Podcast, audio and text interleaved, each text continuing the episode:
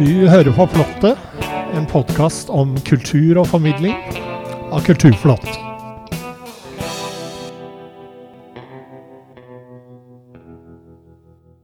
Denne julen har vi besøk av hele 29 artister. De gir oss innblikk i det de liker aller best musikk, formidling og kreativitet. I Flottet har vi også en full adventskalender denne gangen. Hver dag får vi en tekst om mytene ved julen, skrevet og fremført av forfatter, dramatiker og mytolog Terje Nordby. Så her er det mye å glede seg til, folkens. Mitt navn er Bård Andersson.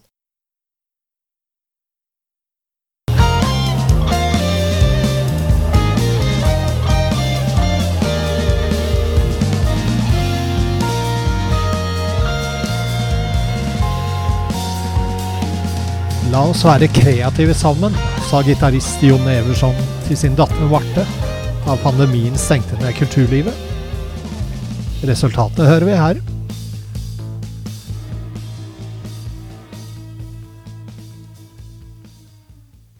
I dag har vi fått eh, besøk av Marte Everson. Eh, hun er aktuell med plata 'Between Two Worlds', eh, med bandet Everson, som hun har sammen med sin far, Jon Everson. Velkommen. Tusen takk. Gratulerer med en ny plate. Det, for dere som ikke har hørt den, så er det en plate jeg har hatt store problemer med å legge fra meg. Den er rett og slett uh, briljant. Uh, kan ikke du fortelle litt om uh, hvordan plata ble til? Ja, altså For det første så er det jo veldig hyggelig at du sier at den er briljant. Det er jo superkompliment, må jeg si. Så takk for det. Um, altså, det var um, i fjor, da, når um, på en måte pandemien var et faktum, så begynte vel jeg egentlig å kjenne på en litt sånn Dette er jo noe som alle har kjent på, så det er ikke noe nytt, dette her. Men jeg kjente på en liksom motløshet, da. og Visste ikke egentlig helt hva jeg skulle begi meg ut på eh, fra dag til dag. Eh, jobber som ble avlyst, og du fikk liksom et håp om at det kanskje skulle åpnes ut igjen, og så var det ikke noe som skjedde.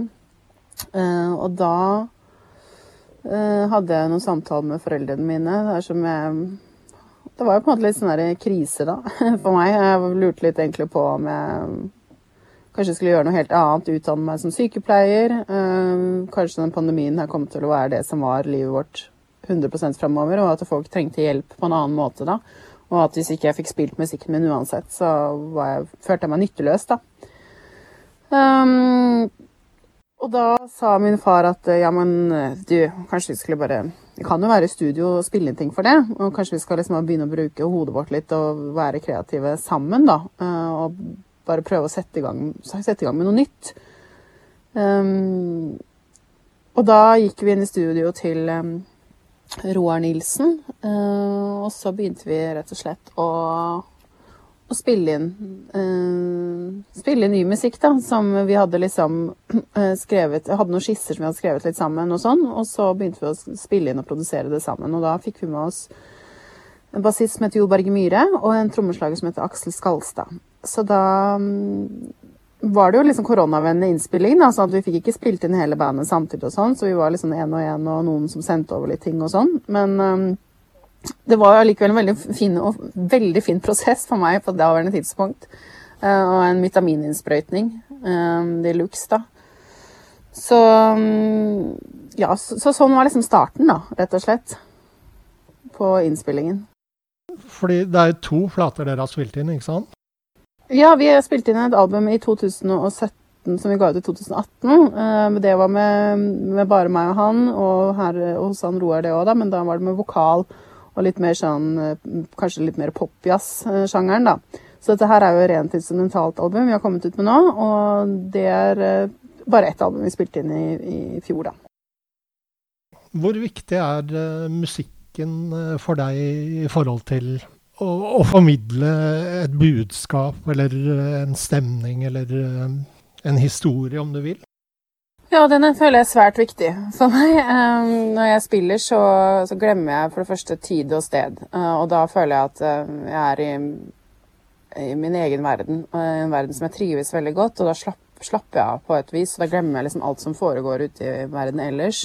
Og da blir det veldig viktig for meg å formidle de følelsene jeg har når jeg lager musikk, og når jeg spiller musikk. Jeg har liksom lyst til at folk skal være med inn i den verden som jeg er i da, når jeg holder på å spille.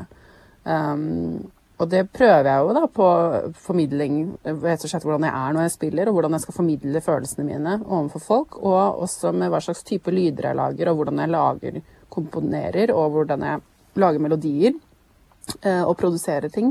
Så har jeg liksom et ønske om at folk uh, skal bli dratt inn i min verden, da, den verden jeg er i når jeg sitter og spiller og komponerer.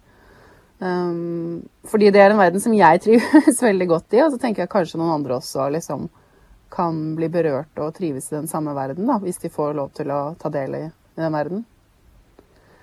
Så det er, det, er, det, er liksom, det er, jo derfor jeg driver med dette her, på et vis. Da, for at jeg har, har så enormt ut, behov for å uttrykke meg, og samtidig så har jeg så en lyst til at folk skal ta del i det, rett og slett.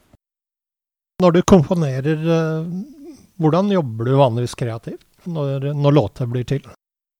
Ja, altså det er jo litt forskjellig. For det er jo av og til jeg sitter og bare komponerer alene. Og da sitter jeg som oftest ved piano og lager melodier. Um, eller så sitter jeg jo med mye med Mac-en og begynner å altså, halvprodusere noe. Eh, og så eh, kan liksom lyder av synter eller lyder av instrumenter um, på en måte sette i gang den kreative prosessen. Sånn at jeg begynner å komponere noe annet enn det jeg hadde tenkt. Men sånn som når jeg komponerer med pappa, så er det jo litt sånn at han er litt analog og skriver ned ting på noter. Um, og har kanskje et akkordskjema og noen melodier, og så Og da blir det liksom litt sånn at jeg gjør litt etterarbeid, prøver å Hva om vi lager en annen type form? Hva om vi bare bruker denne delen her av låta, og ikke hele låta? Uh, og så kanskje jeg finner på en groove og finner på et arrangement rundt det, da. Um, så da har jeg en litt sånn annen approach til det, da. Så det varierer litt. Det varierer med at jeg sitter bare med piano og lager melodier, til at jeg sitter liksom og prøver å produsere alt fra bunnen av, da. Hvilke planer har dere for eh, Eberson resten av året og inn i det nye? Ja, altså nå kommer plata uh, ut i utlandet da, etter uh, nyttår januar-februar. Så det blir spennende å se hvordan mottakelsen får der. For det har nå kommet ut her i Norge nå for noen uker siden, og det har gått veldig bra, egentlig, syns jeg. I hvert fall med tanke på hva kritikerne syns, da. Så da er planen rett og slett å få spilt mest mulig i 2022. Um, så det er det som er foreløpig planen, da. Uh, så håper jeg det har vært veldig fint å få liksom spilt litt i utlandet også, syns jeg. Men det er er jo liksom litt vanskelig med tanke på den pandemien. Uh, man vet ikke helt hvordan uh, neste år blir. Man vet ikke hvordan Eller plutselig så skifter ting. Så vi må på en måte bare belage oss på en usikkerhet da, rundt det. Men uh, vi har skikkelig lyst til å spille live, og det er satt, lagt opp noen planer for noen konserter allerede. Så håper jeg bare det kommer masse mer, da. Nå nærmer vi oss jul med stormskritt. Hva betyr julen for deg? Nei, jeg har liksom ambivalent forhold til julen, jeg. Ja. Um, jeg husker julen fra da jeg var liten, så syns jeg det var liksom noe av det mest spennende og beste jeg visste. Uh, jeg syns at dette med gaver og juletre og sånn var veldig stas. Um, men nå de siste årene så har jeg nok liksom har jeg ikke så sterkt forhold til jula. Jeg syns det er hyggelig når klokka er fem og vi skal spise ribbe eller pinnekjøtt. Vi har ikke noe sånn veldig fast tradisjon på hva vi spiser på julaften, egentlig. Men da syns jeg ofte at det liksom senker seg en ro, da. Som jeg liksom tenker liksom, nå er det julefred. Og da, det syns jeg liksom er en spesiell stund. Um, men jeg har på en måte slått fra meg en del forventninger i jula fordi at jeg syns ofte at uh, de, hvis man har for høye forventninger, så innfrir de ikke uansett. Så jeg er liksom det viktigste for meg er å ha litt ro på ettermiddagen på julaften eh, med de jeg er glad i, og liksom kose meg med et måltid. Og så har jeg ikke noe mer forventninger til det enn det. For jeg har ofte veldig mange planer. At nå skal jeg få bakt kaker, nå skal jeg få ordna med det, og i år skal jeg være godt forberedt. Og så plutselig så er det masse jobb, og så plutselig så er det 23. desember, og jeg må kjøpe alle julegavene mine dagen før julaften, liksom. Så jeg har et ganske avslappet forhold til jula. Hørtes skremmende kjent ut ja, ja, ikke sant. Ja, det er nok litt typisk, da. Um, så jeg, er ikke noe, liksom, jeg er ikke noe innmari sånn juleperson, altså. Jeg syns det er hyggelig å se noen julefilmer og sånn, men jeg pynter ikke så innmari mye og sånn. Har du en favoritt-julesang, da? Ja, jeg tror det er uh, den som heter uh, 'Have Yourself a Merry Little Christmas'. Den syns jeg er veldig, veldig fin. Og eh, jul er jo film for mange. Eh, Har du en favoritt-julefilm også? Ja, altså um, Det første som jeg tenker på, er jo Love Actually, da. Um, men det er, er nok litt sånn Den er jo litt klissete, og det er veldig mange som syns at den er liksom litt over the top, men det er liksom noen scener i den filmen som jeg alltid blir veldig rørt av. da. Uh, og så syns jeg det er masse fin musikk og sånn, så jeg liksom blir uh, Ja, den syns jeg fortsatt er fin. Faktisk. Hvis man ser den på julaften, da, så er, det jo ofte, er man ofte ferdig med det styret og pakker og man klarer å slappe av litt etterpå. Da er den jo, fi, er den jo fin. Da. Ja, det synes jeg. Jeg syns liksom det beste på julaften er å spise middagen i ro og mak, og liksom prøve å ha litt ro på det. Og så syns jeg også etter, sånn som du sier, etter man har pakket opp gavene, og bare sitte og se på en film og kanskje ta seg et glass rødvin og bare være sånn Det var det. Nå var jo julaften ferdig. det syns jeg også er en fin følelse, da. Da skal vi høre Everson med 'Dancing with a Big Fish'.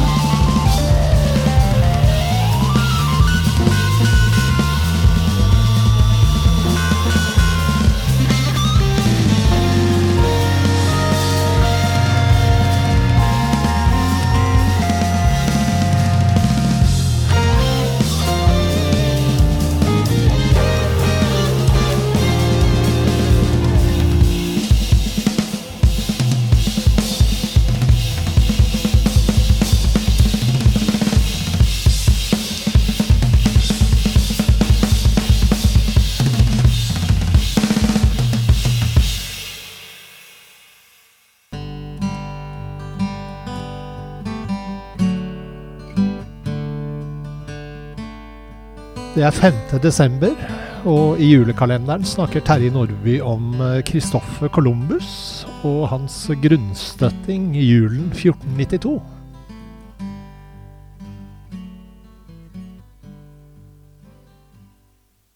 Hispaniola er den nest største øya i Antillene, og er i dag delt mellom Haiti og Den dominikanske republikk. Columbus kom hit den 5. desember i 1492 og julaften samme år seilte han rundt øya da et av hans skip, Santa Maria, grunnstøtte. Han hadde hørt at øya var rik på gull, og beordret mannskapet til å bruke skipsvraket som råmateriale til å bygge et tårn og en festning som base for å skaffe til veie rikdommene. Han mente det ville være lett, siden de innfødte både var, som han sa, nakne, våpenløse og feige. Stedet på nordsiden av Haiti kalte han Puerto de la Navidad, julehavna. Dette ble dermed den første spanske koloni. Kolonien oppløste seg imidlertid i indre stridigheter og atskillige andre problemer, og da Columbus ankom på nytt året etter, var La Navidad brent ned til grunnen. Ingenting av verdi var å finne, bare likene av åtte kristne menn. Columbus ble født i Genova omtrent da tyrkerne tok Konstantinopel og endte det bysantinske riket. Disse begivenhetene fikk konsekvenser. Kjøpmennene trengte nye markeder og råvarer. Portugisiske sjøfarere seilte langs Afrika på jakt etter gull og krydder. Fantes det en omvei til India, utenom muslimene? Verden var uoppdaget. Columbus dro til sjøs, studerte navigasjon, vindretninger og strømmer, og drømte om den store ekspedisjonen som kunne gjøre ham rik og berømt. 25 år gammel flyttet han til Lisboa. Han lærte karttegneryrket, leste historie, geografi og klassisk litteratur, stirret utover havet, og fikk ideen å seile vestover for å finne bakveien til India. At det skulle være et ukjent kontinent mellom Asia og Europa, sto det ingenting om i Bibelen. Columbus fikk audiens hos kongen av Portugal, la frem planene, smurte på med gull og sølv og henviste til rike Marco Polo hadde hørt om, men aldri fant, Chipango, en omskriving av Japan, en sagnomsust øy i øst med palasstak av gull, en samtidig kronikør refererer Columbus' besøk slik. Kongen forsto at denne kolonnen var en arrogant skravlebøtte da han presenterte sine forslag, og at han baserte seg mest på fantasi og innbilning da han snakket om øya Chipango. Avslag. Kongen var nøktern, trodde ikke på sagnøyer. Columbus dro da til Spania, der han til slutt vant frem med sine planer. I grålysningen en augustdag i 1492 får han nattverd og blir rodd ut til Santa Maria. Klokken seks gir han ordre om å lette anker, og endelig er han på vei vestover, uten å ane at han om tre måneder, ved juletider, på en ukjent øy han selv gir navnet Hispaniola, skal opprette Europas aller første og aller mest mislykkede koloni. Les daglige kulturnyheter på kulturplott.no, og få med deg dokumentarer, eksistensielt stoff og kultur i papirmagasinet Kulturplott. Plottet var ved programleder og teknisk ansvarlig Bård Andersson.